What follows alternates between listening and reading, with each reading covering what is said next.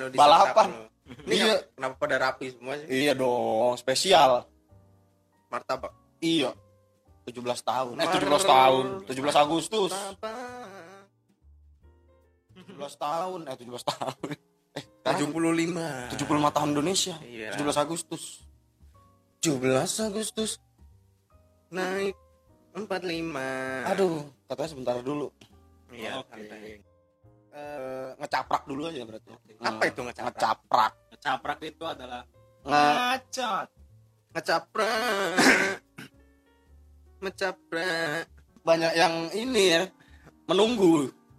Tapi eh, ibu bintang tamunya sedang berhalangan sebentar ya. Iya.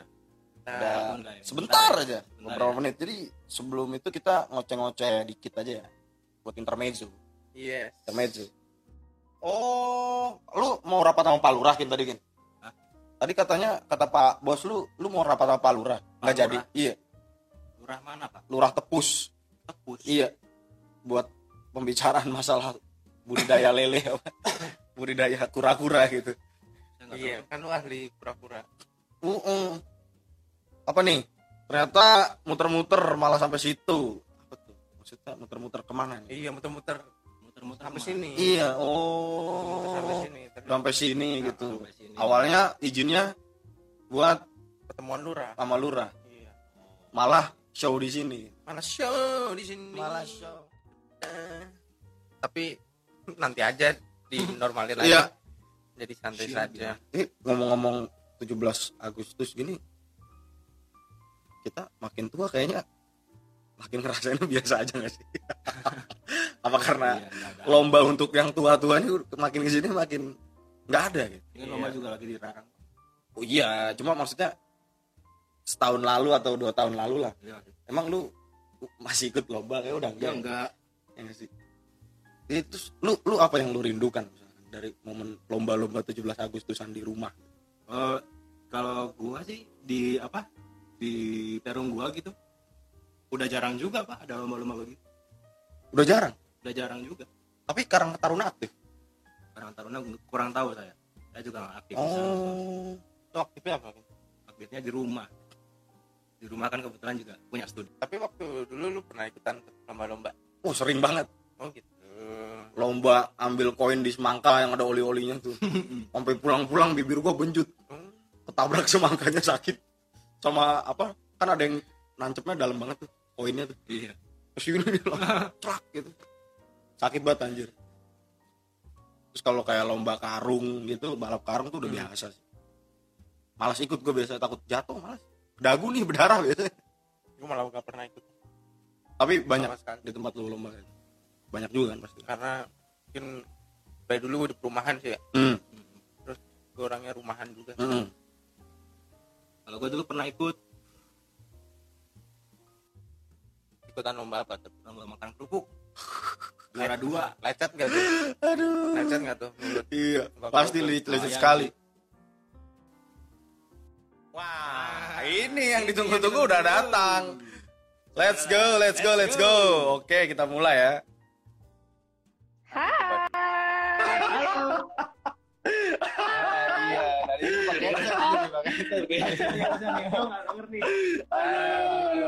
Bentar ya, bentar Bentar, bentar, bentar, bentar. Bentar. Oh, di pause ya. Oke, oke. Ya ampun, gue ngeliat wajah kalian aja udah happy banget loh. Happy gimana? Iya, Happy kayak Salma. berasa-berasa mulut loh. Ini kayak berasa-berasa bau-bau Jogja. Sukses buat Rumah Pojok Podcast. Iya, semoga berjaya lah para Amin. Trimas Getir ini. Mas kentir kali ya, cocok. Mungkin merasakan pahit getir kehidupan biar kebal gitu. Mudah-mudahan ya, semoga membawa berkah buat kalian juga. Semoga bisa menginformasi. Amin. Semoga followernya Pojok Podcast makin rame. Baik kan gue. Sekarang dalam rangka hari 17 Agustus kita harus semangat ya. Ampun gue ngebabu hari ini karena kan mbak-mbak pada pulang nih. Jadi gue ngurusin anak. ya ibu rumah tangga banget. Sehat kita. Sehat. Kalian gimana kabarnya? Alhamdulillah. Eh tapi gue bangga banget loh, misalnya kalian buat platform ini, jadi kayak ya ya nggak nggak semua orang bisa buat. Maksudnya nggak dari teman-teman yang gue kenal pada buat kayak gini dan it's really good. Ini bagus banget dan aku bangga. Asyik. Thank you, makasih. Udah nggak pulang, nggak ada gaji lagi ya. Ya ampun, Iya, parah. sedih banget. Oh, ginjal gue udah tinggal setengah nih. Dari em- dari dua tinggal setengah. Berarti lo udah jual se- sat- satu setengah ginjal lo. Iya benar. Oh, atau sebagian ginjal lo dua. Kalian stay di Jakarta nih sekarang? Hah? Enggak, ini. Eh. Jakarta. Di Jogja. Ini di mana? Di Jogja. Ini di Jogja. Di Jogja. Oh, Ijo masih di Jogja. Oke. Sempat Kemarin muter-muter Pulau Jawa tuh dikelilingi cari kitab suci. Iya. Tapi kayaknya nyaman di sini aja deh. Di temennya dia. Nggak coba ke Bali. Bali tuh enak buat 50 tahun ke atas. Oh. Yang muda-muda nih. Ah. cocok. Oh, Iya lihat sih. nanti. Oke, oke. Kita bahas apa nih hari ini? Proses mengejar mimpi. Gua dulu waktu kuliah itu merasa kuliah itu adalah zona, gua keluar dari zona nyaman gue. Karena gue nggak di Bali, satu gue nggak di Bali nggak bareng orang tua. Nah, kedua gue benar-benar struggle sama diri gue sendiri. Gue tuh orangnya kayak sometimes kayak bit introvert gitu, loh. jadi kayak nggak terlalu orang yang speak up. Nggak kayak dulu kuliah, jadi gue SMA sekolah itu ya udah sekedar belajar, bukan anak yang menonjol, bukan siswa yang sangat berprestasi juga. Jadi gue mem- memilih kayak di belakang layar, kayak gue ya udah jalan kehidupan apa adanya lah gitu. Baru waktu gue kuliah, gue kenal banyak orang dan gue bersyukur gue kuliah di Jogja karena budaya dan lingkungan gue itu benar-benar mendidik gue untuk lebih berani dan mereka mensupport dan gue senang banget punya teman-teman yang ya dari berbagai kalangan, dari berbagai wilayah, daerah itu yang membuat gue belajar lebih banyak di Jogja dan keluar dari zona nyaman gue ikut organisasi lah eh, karena kita basicnya karena kita tinggal sendiri sih ya. Jadi kayak kalau di kosan kalau gue itu ngerasa bosen ngerasa apa ya udah akhirnya gue memperbanyak kegiatan ikut acara inilah bareng kalian lah sampai malam di apa sih kita IRFF ya? Dulu ya zamannya ya. Kayak di situ kita ngerasa kayak aktif banget kan. Kita ngerasa uh mahasiswa banget. Kayak kita harus berjuang demi mahasiswa. Dan waktu kehidupan nyata it doesn't mean anything. Pokoknya. Yang penting seru sih. Nah akhirnya kenapa gue bisa menyelesaikan kuliah gue cum laude? Itu pertama tuntutan keluarga karena papa itu apa bokap itu dia udah mulai memasuki masa pensiun yang gue di warning sama orang tua. Tiga tahun tiga setengah tahun at least empat tahun kamu sudah selesai kuliah. Kalau lebih dari itu kamu harus biayain kuliah kamu sendiri. Ya di situ gue harus berjuang dong untuk untuk diri gue biar karena setelah selesai ma- uh, jenjang waktu yang dikasih sama dikasih sama orang tua gue gue harus balik ke Bali atau lu biayain hidup lu sendiri kuliah kuliah sendiri kayak gitu prosesnya. Akhirnya ya udah gue berusaha secepat mungkin selesai singkat cerita gue selesai kuliah gue ke Bali gue kerja di karena gue kan HI banget ya gue ngerasa HI itu gue harus jadi seorang diploma atau Iya, diplomat. Itu mimpi ya. Jadi mimpi emang. mimpi karena iya karena kan gue belajar HI itu oke mungkin sebelum waktu SMA belajar HI itu kayaknya oh iya belajar tentang uh, dunia di luar negeri itu gimana sih pemer- sistem pemerintahan? Kayak memang kita di kuliah juga diajarin seperti itu sih memang. Tapi selain itu juga kita di HI kan belajar tentang bisnis tuh. Ada ekopolin ekonominya juga ada culture juga. Nah setelah selesai kuliah gue mencoba nih. Yang gitu. Akhirnya gue Boleh waktu itu remet bareng tuh sama Yuta. iya Pak Rudi gitu. Statistik juga kita remeh. gue remet gue remet. Gue remet karena gue dapat dapat C. Ya ampun gue bukan anak ekonomi malu gue habis tuh untungnya gue bisa naik dapetnya akhirnya gue selesai kuliah tuh wih nyari nih yang relate. Oh gue harus cari konsulat konsultan asing nih gitu kan Nah, Nah, kebetulan kemarin waktu gue kuli selesai kuliah, gue keterima di salah satu brand yang dia fashion industry juga, tapi dia brand Prancis. Jadi bos gue langsung atasan langsung tuh orang Prancis. Dia French company tapi emang di Bali. Hari pertama gue kerja nih, gue pikir kerjanya tuh ya back office, pakaian rapi, necis gitu kan, keren gitu ya. Ngurus karena gue waktu itu ngelamar di bagian ekspor impor relate lah ya sama kuliah kita di ekspor Iya. impor. Nah, ekspor lu impor. coba Iya.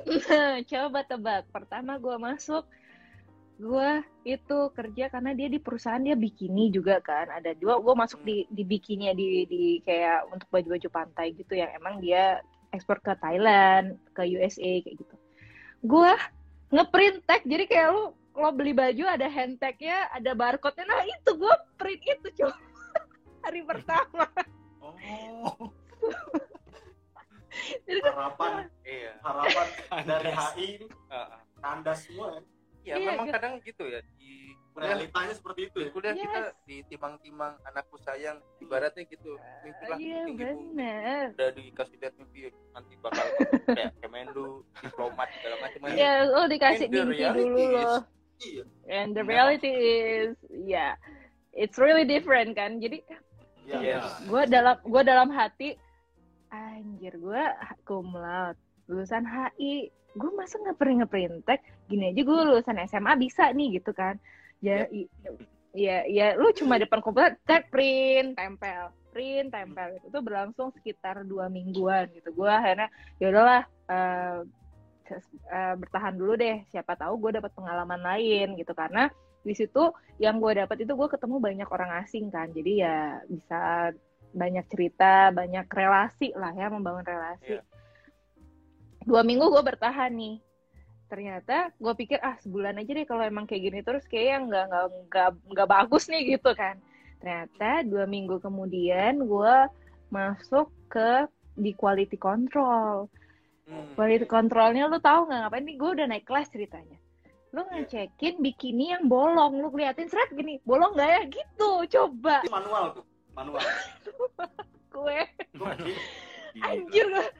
Aduh, Tanah pengalaman gue lah. keren Oh my, oh ya ampun gue yang ya pengalaman emang ini beneran aneh-aneh. gitu. Iya, gue, gue ngeliat, ngeliat- ngeliatin barang nih kualitasnya bagus nggak, tapi yang nggak yang bolong juga yang, oh ya ampun, oke. Gue bertahan lagi, oke, it's okay Yuta, kamu jalanin aja, bawa happy aja gitu kan. Ya udah, gue gue jadi ketemunya tuh dulu ya selain sama bos gue, gue ketemunya sama tukang jarit, gue ketemunya sama yang kayak kayak gitu, jadi oke, ya ya itu garis tangan ya kayak oh gitu, ya udahlah gitu kesampingkan ilmu HI-mu Yuta gitu. Kesampingkan ilmu HI lo Yuta, lu sekarang kerja ya lo harus profesional gitu kan. Walaupun lo ngecek, Iya. ngecek baju borong, eh, apa sih kayak print-printan reject kayak gitu ya. Oke lah jalanin dua minggu. Dapat gaji nih kan sebulan dapat gaji kan. Oke, gaji HS1 rata-rata ya at least kalau di Bali dia pasti eh, di atas UMR dan uang makan. Gue pikirnya kayak gitu kan.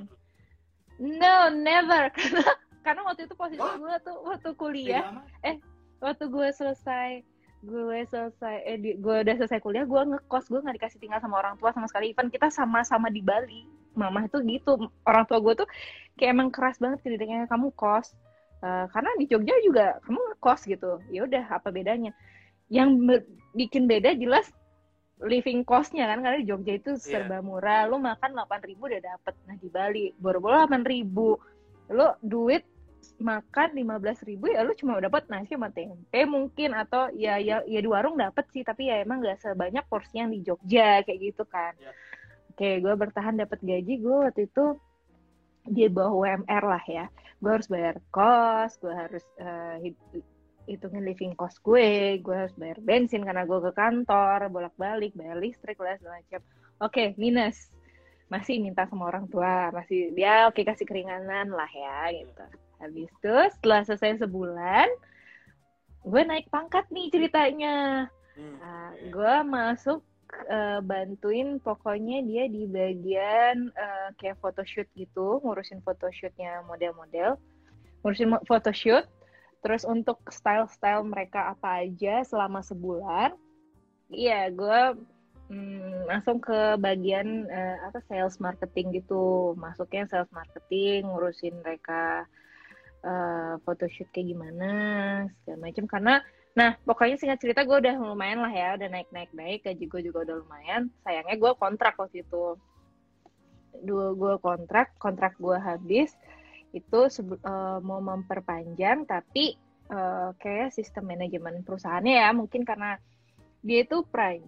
Lu eh, yang pengalaman yang gue dapat ya di perusahaan itu adalah lu nggak akan pernah gampang untuk bekerja dengan western people karena mereka disiplinnya tinggi banget.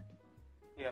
terus habit mereka beda-beda. Karena kalau kita kan masih yang polite ya. Oke mungkin sometimes juga bos-bos maksudnya kayak uh, atasan kita orang Indonesia sometimes ada yang tidak mengenakan hati mungkin ya dengan caranya mereka menyampaikan sesuatu itu nggak mengenakan hati tapi kalau lu bekerja sama orang asing begitu dia nggak suka caranya itu sadis banget jadi Hmm. ya ya dia itu dia kalau kita meeting dia bisa naikin kaki. Dia nggak suka dia bisa lempar barang itu ke kita kayak gitu. Ya itu di sisi itu gue nggak masalah karena gue nggak pernah buat masalah sebesar itu juga sama bos gue cuma yang gue nggak nggak nggak bertahan lama karena sistem manajemennya kurang bagus. Jadi kayak ada orang yang ngerasa gue salib gitu. Jadi dia karena dia di bawahnya bos langsung akhirnya gue di cut padahal bos itu mau memperpanjang kontrak gue akhirnya di cut lah sama dia kayak gitu gue nggak bertahan deh di situ.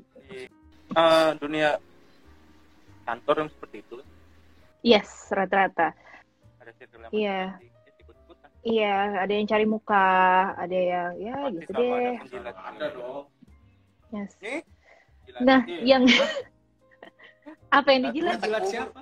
Loh, nakal. Terus ya tapi hmm, apa ya yang gue sayangkan nih lucunya ya pas gue keluar itu atasan gue yang akan menggantikan gue. Jadi gue punya atasan. Tapi dia tuh nggak pernah tahu dan tidak pernah mengerti cara kerja gue. Jadi kayak apa gimana cara Oh. kerja gue, gue apa yang gue kerjain. Dia nanya sama gue, gue yang akhirnya gue di situ yang eh lo bos lo harusnya tahu dong daripada gue dua lebihan lu katanya mau gantiin gue sekarang lu bos kok gantiin kerjaan gue gitu Iya. maksudnya mungkin dia ingin mengajarkan ke bawahannya gitu kan ya gue nggak mau lah gue jual mahal. Ya udah belajar sendiri. Kan karena lu putusin kontrak gue gue say goodbye itu perusahaan ini. Ya bye. Gitu. iya gue pergi gue jual mahal. lagi dong. Yes. Akhirnya setelah kayak gitu eh, karena waktu itu gua suami gue mau ke, ke- karena waktu itu suami gue baru, baru merintis perusahaan juga. Belum nikah sih ya masih masih masih Oh, ya. pacaran. Nah jadi dia baru merintis perusahaan itulah di bidang balet dan dia harus ke Sydney untuk cari relasi gue yang handle di sini awalnya sih untuk sementara akhirnya udah gue bantu dia buat handle jadi ya Ya gue, nah ini juga pengalaman gue HI, tapi gue naik motor ke mana-mana, uh, bawa kain roll-rollan di atas motor gue, diikat di belakang. Lo tau lah gimana kayak kurir Oh, gue kain juga ya. pernah gitu. Iya, Oh, kayak gitu. Mah. struggle ya Struggle. Kan, ya udah, gue ya udah gue naik motor, gue jalannya happy aja gue, ya. Dan ya udah karena gue top end tuh perusahaan balet jadi gue juga nyari kai nyari kulit ke mana-mana bawa kulit segala macam ya udah.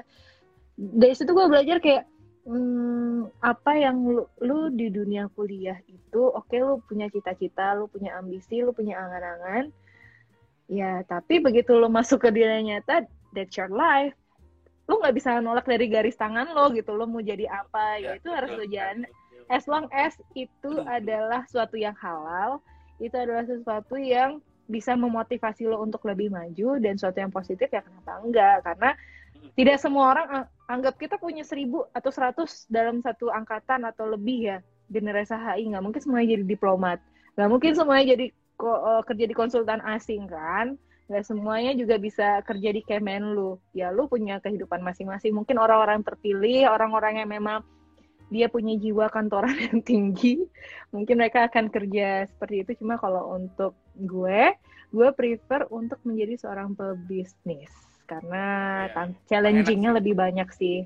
oke ya dibagi-bagi Up and down. Iya. Apalagi, apalagi dia Tuh. suami istri ini ya. Iya. Satu udah punya perusahaan sendiri ya Iya. kita ya. Yes, eh, dancewear sih. lebih ke dancewear. Oh, dancewear. Dancewear. Kira-kira ada yang ukuran XL gitu buat sakit. ada XXXL gue ada. Dia mau mau begini-begini. Gue maunya sebelum mulai dulu. podcast ini gue kirimin ke Jakarta, eh ke Oh, Jogja gitu. baju-baju buat kalian. Kan Ah. sekalian gue eh, gini ya, gue mau eh, apa ya, mau promosi kan maunya. Tapi ya Oke. gimana? Mau 17-an kata ekspedisi semua eh, pengiriman sekarang tutup, jadinya nggak bisa gitu. Kalau ngirim ke kita baju dancewear, terus kita pakai pas live. Eh kayaknya bagus tuh. Itu menarik Gua juga perhatiannya mau. orang. Yang belakang sih. Gue sih mikir menarik juga sih. Wait, wait, wait, wait. Gue kayak harus Mulai aneh-aneh nih. Komedi banget dong itu namanya. Mm, Gue mau tanya. Kenapa kepikirannya dancewear? Dancewear. Oke, Soalnya sebenar- kan lebih segmented dan unik gitu. Nggak Yes. umum. Terus mungkin karena itu ya, Iya, nggak umum. ada yang ini. Nggak. Makanya, gue penasaran. sebenar sebenarnya bisnis ini adalah family business dia itu dijalanin Oh, gitu. pertama itu sama mertua gue eh, mamanya jadi mertua gue itu pertama itu buat garment itu ekspor sarung kain pantai baju-baju Oh. pantai. Waktu itu udah tahun pokoknya udah tahun lama gitu mertua gue. Nah karena dia eh, ini pengalaman ya lu nggak selamanya kerja ini pengalaman yang gue pelajari dari mertua gue. Maksudnya gue gue ngerasa sangat bersyukur hidup dan sekarang tuh bertumbuh di lingkungan yang benar-benar apa ya dia punya pengalaman yang jangan sampai ke gue gitu. Gue belajar dari pengalaman yang mereka rasain. Jadi dia kirim eh, kain ka- eh, dia ekspor sarung itu itu udah sampai mm, koli-kolian nggak koli sih udah sampai ya pakai ekspedisinya udah yang udah lumayan gitu. Iya. udah berjaya. Sampai dia waktu itu di- dia sama orang Amerika Latin kerjasamanya. Sampai di oke dikirimin cek pembayaran uh, ekspedisi berangkat. Karena cek itu kan hitungannya mundur ya. Dia tuh dikiriminnya be- begitu tanda deadline pencairan ceknya itu kosong. Jadi dia dikasih cek kosong dan itu udah rugi. Ya lumayan nilainya gitu ya. Itu yang buat uh, waktu itu bisnis itu bener-bener bangkrut bener-bener tiarap setiarap tiarapnya ya udah gue dari situ belajar lu jangan pernah terkagum-kagum saat lo bekerja dengan orang asing. Kan kita kadang gitu ya ih orang asing mereka hebat ya mereka Iya. punya uang banyak mereka tuh cara kerjanya keren lah. Kita ngerasa kalau kita udah kerja sama orang asing kita adalah orang yang keren ya kan? Kadang orang Iya. berpikir kayak gitu. Itu mental Tapi kid nggak- leader. yes Unggul. karena karena orang karena mereka pun tricky gitu loh. Mereka tuh juga ya ya mereka akan mencari keuntungan buat diri mereka sendiri. Mau caranya benar Iya, mau caranya iya. enggak gitu. Cuma gue nggak bilang semuanya gitu ya karena ada sistemnya. Nah dari situ kita belajar sistem. Kayak ya sekarang kita harus sebelum dia turun order kita harus minta deposit dulu at least barang yang Iya, kita itu. kerjakan itu sudah terbayarkan nah depo 50% selanjutnya itulah untuk kita bayar gaji karyawan, untuk keuntungan kita. Jadi kita sudah bisa, nah dari situ kita belajar banyak sih. Setelah itu karena waktu itu suami gue, ini gue dengar, gue tidak mengalami melihatnya secara langsung, tapi suami cerita dari suami gue ya. Waktu itu suami gue masih kecil banget, akhirnya karena orang tuanya jatuh, dia jualan ikan di pasar. Jualan ikan di pasar, nggak cocok bisnis itu kan cocok-cocokan ya. Kadang ada Iya, yang betul. bisa jadi jadi jadi orang sukses karena bisnis itu ada yang dia nggak akan pernah maju nih. Karena bisnis ikan dia kalau nggak laku ikannya rusak kan wes Iya. akhirnya nggak cocok jualan sembako. Jadi suami gue bawa beras ke mana-mana. Waktu itu dia masih SMP masih SMP dan dia seorang ketua osis. Gue ceritain suami gue nih jadi Bapak bukan gue tuh- maksudnya kayak gue Iya. Gokil banget. jadi di Iya. anak anak SMP itu kan kayak keren-kerenan bawa motor kan waktu itu bawa motor dia bawa beras ya diajakin sama oh, teman-temannya ya dia tetap maju ya ini bisnis yang halal dia gue merasa beruntung karena dia mengajarkan gue banyak hal sih akhirnya udah setelah itu bangunlah bagus. garment lagi bangun garment coba deh yang di front line sekarang mertua gue yang cewek mama mertua bukan bapak mertua. Nah berus- eh, buat dulu baju-baju peri-perian dapat order coba belajar dulu. Nah akhirnya mertua gue eh, singkat cerita dia sudah punya eh, worldwide company dia sudah punya perusahaan yang cukup besar. Suami gue dulu awalnya kerja di Garuda. Tapi karena bukan tipe orang yang bekerja di belakang layar dia emang dari kecil belajar sebagai seorang pebisnis dan tumbuh menjadi seorang pebisnis. Jadi dia berusaha buat brand sendiri. Mulai akhirnya udah buat kaya itu terbentuklah si kaya dancewear itu karena bo- nyokap gue namanya Bali Ballet Shop kalau kita namanya kaya dancewear which is kita tidak di itu? Kayak dancewear itu dari 2015 ya, eh 2015, 2016, 2016. Dua, Wah. kayak dancewear. Dan 2016. membangun satu brand itu susah sekali ya Hmm, nggak ada yang gampang. Bayang-bayang orang tua dia ingin membangun sendiri ya bangun kaya dimodalin cuma sewa toko yang kita harus balikin waktu itu Ya. ceritanya. Dikasihlah barang-barang aja. Jadi ya udah tiga bulan nggak dapet jualan, sepi. Kita harus bayar kontrakan juga, bayar karyawan juga kan untuk toko akhirnya begitu one day dapat customer kita dapat order kita maunya turunin ke mama nih mau tapi sama orang tua dibilang ya udah kerjain sendiri Eh, kamu cicil mesin sendiri. Gue dikasih cicilan mesin. Jadi yang gue begitu dapat keuntungan gue harus bayar cicilan mesin. Yes, Maunya- yes, minjem kain kan minjem kain. Nggak dikasih beli kain roll rollan itu itu itu adalah suatu investasi yang berjalan. Hutang yang berjalan ya nggak ada yang salah. Lo kan kembaliin itu dari hasil yang lo dapat jadi ya udah jalin aja. Ah, kayak gitu. Ya udah kayak yang nggak semua. Akhirnya sekarang kalau orang berpikir enaknya jadi pebisnis enaknya jadi bos ya lo nggak ada di posisi gue lo nggak duduk di terus. sini gitu iya terus jadi dan berinovasi ber- Semua ada perannya. ada iya. Kalau semuanya jadi bos, Iya. iya Yes. Dan lu kalau jadi bos nggak selamanya lu dapat uang, nggak selamanya lu begitu dapat keuntungan lu bisa foya-foya, nggak karena lu kan punya karyawan, lu punya kayak lu menghidupi kehidupan orang lain kan. Jadi begitu lu dapat keuntungan lu harus bayarkan gaji mereka dulu. Sisa-sisanya nih kalau jelek-jelek itu emang tai-tainya tuh baru kita dapat kayak gitu. Jadi ya kayak gitu. belum kalau misalnya pegawainya ada yang usil gitu ya Iya. juga Iya. Mm-mm, bener, bener, bener, bener. Apalagi kain bisa dimainin, bisa dia jahit sendiri, nah iya iya gitu. Ah, Jadi kalau lo, permainan. Makanya gue bersyukur banget gue sekarang itu saat terjun menjadi pebisnis, gue benar-benar ada yang di lingkungan yang yang yang mendidik gue secara keras sih, terutama ibu mertua gue. Dia menganggap gue sebagai anaknya. Maksudnya gue menganggap sebagai anaknya karena dia benar-benar mendidik gitu loh. Ya, lu cewek, lu harus strong gitu.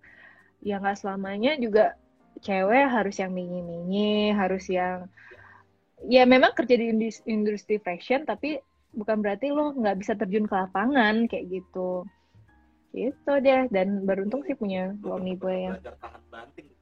wah banting-banting banting tulang, banting hati, banting mental semua.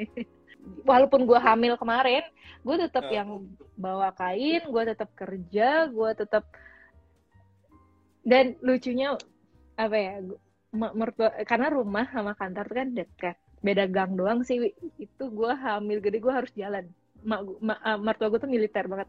Jalan nggak boleh naik motor nggak boleh naik mobil harus jalannya tapi gue ngerasa kayak ya oke jalanin aja tapi emang itu manfaatnya.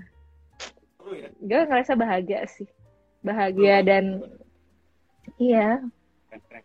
iya pengalaman. Gitu. tahap-tahap gitu. Mungkin dari yang Iya, gue juga ngerasain gitu sih. Pas kuliah yang ngapain sih gular galer doang kan? Iya. Gua- Iya. Waktu kuliah, pas habis kuliah malah justru yang real ilmu nih dapat enggak gua kuliah enggak dapat apa-apa. Gue dapet ijazah doang. Gua kan kuliah di kantin. ngopi gue inget gue inget gue sekelas sama Seto dia kelas Pak Niko dia bawa kopi dong ke kelas bayangin bawa kopi kantin ke mending kelas kopi. Seruput ya itu kita. lu malah makan anggur putih di bawah iya. Anggur putih dicampur sama kalpiko. Itu lu, lu tahu kita apa minum itu pas pelajaran bukan. jahat loh Alhasil gua Jain sama Seto dapet D ya. manner lu sih coba yang ya Astagfirullah. akhirnya gue dari sekarang tuh kayak berpikir oh ya gue dulu ngerjainnya motong-motong barcode gue ngecekin gitu ya. Dari situ gue oh oke memang nih garis tangan gue nih gue harus akhirnya gue jadi lebih detail kan sekarang. Oh gue tahu barang ini pasti ada rejectnya. Sebelum kirim customer gue harus benar-benar cek dulu. Oke benar Iya, kayak itu gitu. wajib. pengalaman lu di kantor yang lama buat ke kerjaan yang sekarang sih ternyata berguna gitu Iya, relate banget. Jadi gue udah udah udah nggak asing kalau maksudnya gue udah bukan hal yang baru untuk ketemu bekerja dengan orang asing kan itu yang pertama karena habitnya berbeda-beda, cara lo menghadapi customer itu berbeda-beda, cara lo menghadapi Iya. karena gini, gak semua orang bisa untuk bernegosiasi dengan orang asing, ya kan? Gak semua orang bisa yang ngomong tatap muka kayak gitu, nggak semuanya bisa mengerti maksud karena apa yang dia maksud belum tentu apalagi kita ngomong di dunia, dunia fashion ya karena sekarang gue sendiri yang terjun sebagai desainernya gue yang gambar Oh, gitu. baju Oh, yang mereka ingin yang Iya, gue. riset. ATM oh enggak justru gue di bagian pro, eh, desain bantu ke- eh, nyalurin keinginan customer gue yang bantu untuk decorate karena pakaian balet itu bukan sesimpel pakaian biasa ya Hmm. dia kayak banyak detailnya gue yang di situ nah suami gue yang di manajemen kan dia yang di bagian dia karena dia orangnya lebih keras dari gue. Gue tuh orang nggak paling nggak bisa marah sama ka- karyawan dan itu yang disayangkan sama uh, sama Iya. suami gue sampai sekarang. Kamu tuh harus bisa tegas dan gue nggak bisa gitu. Lah akhirnya dan untuk bekerja dengan karyawan secara langsung harus orang yang benar-benar tegas. Dan itu suami gue. Dia yang benar-benar strong enough untuk kontrol karyawan untuk nah gue itu lemahnya adalah di sampai sekarang gue sebagai seorang pebisnis tidak bisa mengontrol untuk keuangan. Aduh bagaimana tuh? Ekopolin aja. Ekopolin aja gue remet. Anda ini Eh, jadi gue negosiasi oke lah. ya? gue bisnis oke lah. Lama-lama bisa. Jadi gue kira dia tuh kalau masalah manajemen kan pelajaran No. pelajaran justru oke. Oke gitu. No Oh, justru Terus yang mau men- kayak kita remet no justru Oh, yang manajemen. mau remet. Iya iya. Iya gue remet. oke boleh boleh. Tapi justru yang memanajemenkan semua suami. Dia yang benar orang yang keren banget lah. Mas. iya. Ya memang orang yang merubah gue selalu begitu. Iya. nanti ketemu jodoh tuh yang saling melengkapi gitu. Iya. komplit. Komplit. Komplit Each ada. Each ada.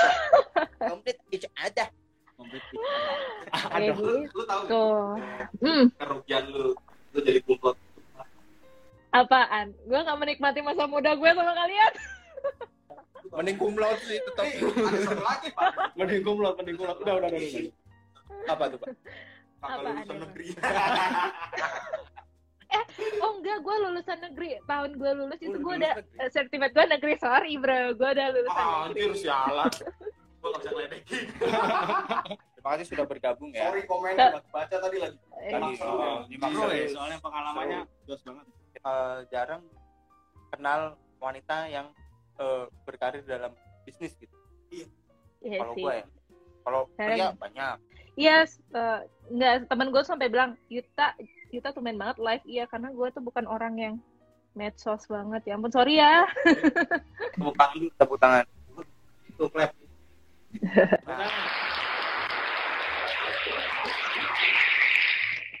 berisik aja. Iya. Oke oke oke.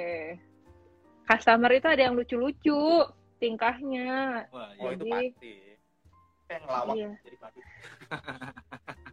jadi ada tuh yang hmm, apa ya gambar gambar. Jadi gambarnya benar-benar kayak layangan gue dia bilang gue mau dress kayak gini detailnya kayak gini gini gini pokoknya gue percaya sama lo jadi da- gimana lo cari ngerubah dari layangan itu?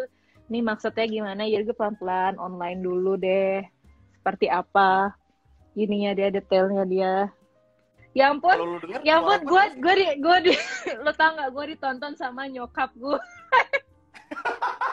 Halo mamanya Yuta. halo Halo, Tante. tante Kami temannya kuliah yang Iya. gak beneran gitu. ngobrol. Gue yang bener cuma yang belakang aja yang bener yang belakang. Enggak, enggak juga. Sama Yuta yang bener kita. Enggak bener. saya dulu pernah nganterin Yuta ke rumah sakit waktu itu Iya. Oh iya naik Vespa. Iya. Acara makrab pingsan. Iya. gue ngelawak panjang jalan bener aja. Seru ya? Oh, ya itu sebenarnya itu salah satu mungkin karena gue trigger ya apa ya, kayak gue tuh mentalnya do gue tuh paling nggak suka dibentak-bentak gitu. Gue paling nggak suka denger orang bentak-bentak gak jelas nggak ada tujuannya dan gue ngerasa nggak salah apa pun. Jadi udahlah daripada gue dibentak-bentak gue pingsan aja lah gue sakit aja gitu. Itu rahasia. Lu, lu drama nih. Wah, sialan. Gitu ternyata. ngerasa. Udah waktu itu kan zaman pilkada tuh banyak banget poster-poster tuh gua ngelawak aja lihat tuh mukanya lucu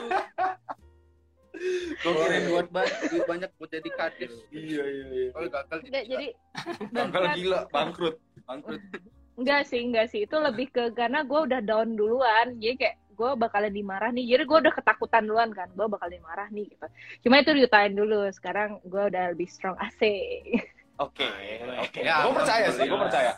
Gue percaya. Seorang seorang ibu itu pasti akan lebih strong. Iya kan ya, tapi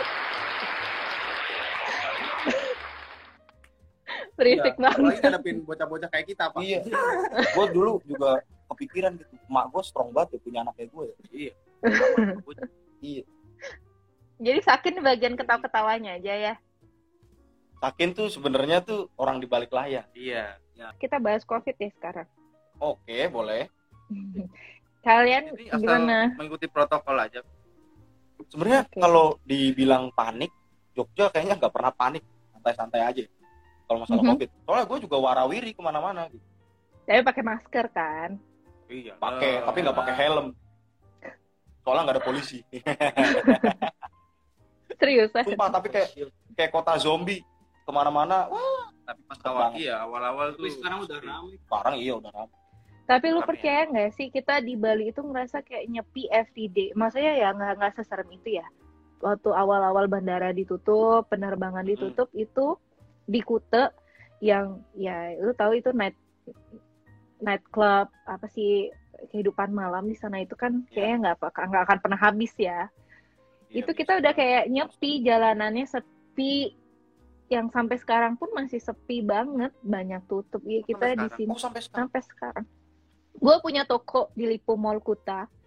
Itu gue karena kita punya toko di mall dan kita harus bayar sewanya setiap bulan tanpa pengecualian. Gue mau nggak mau gue harus tutup karena kan untuk mengurangi gue akhirnya ga- karyawan gue bukan gue gue rumah kan nggak gue tetap pekerjakan tapi pekerjakan di office di garment gue pekerjakan sebagai QC apa quality control at least gue nggak bayar listrik gitu loh karena listriknya membebani banget gitu akhirnya Iya, oh iya ya, pasti Pasti.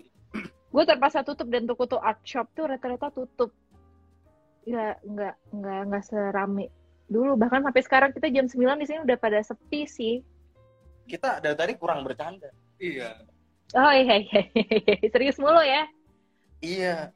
Sebenarnya kalau gue ya, gue udah biasa. Gue udah tahu nih. Udah tahu kalau kalau Yuta nih emang kalau ngobrol fokus. ah. Kayak dari dulu kalau misalkan ngobrol sama du sama gue pribadi gitu, gue tahu nih orang-orang begini nih pasti emosi, canda mulu.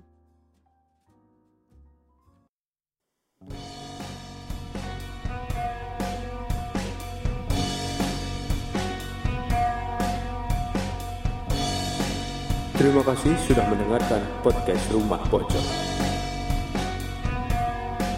Kesalahan bukan ada di telinga Anda, tapi di mulut kami. Kami mohon maaf jika podcast ini bermanfaat. Semoga bisa bertemu lagi di lain kesempatan.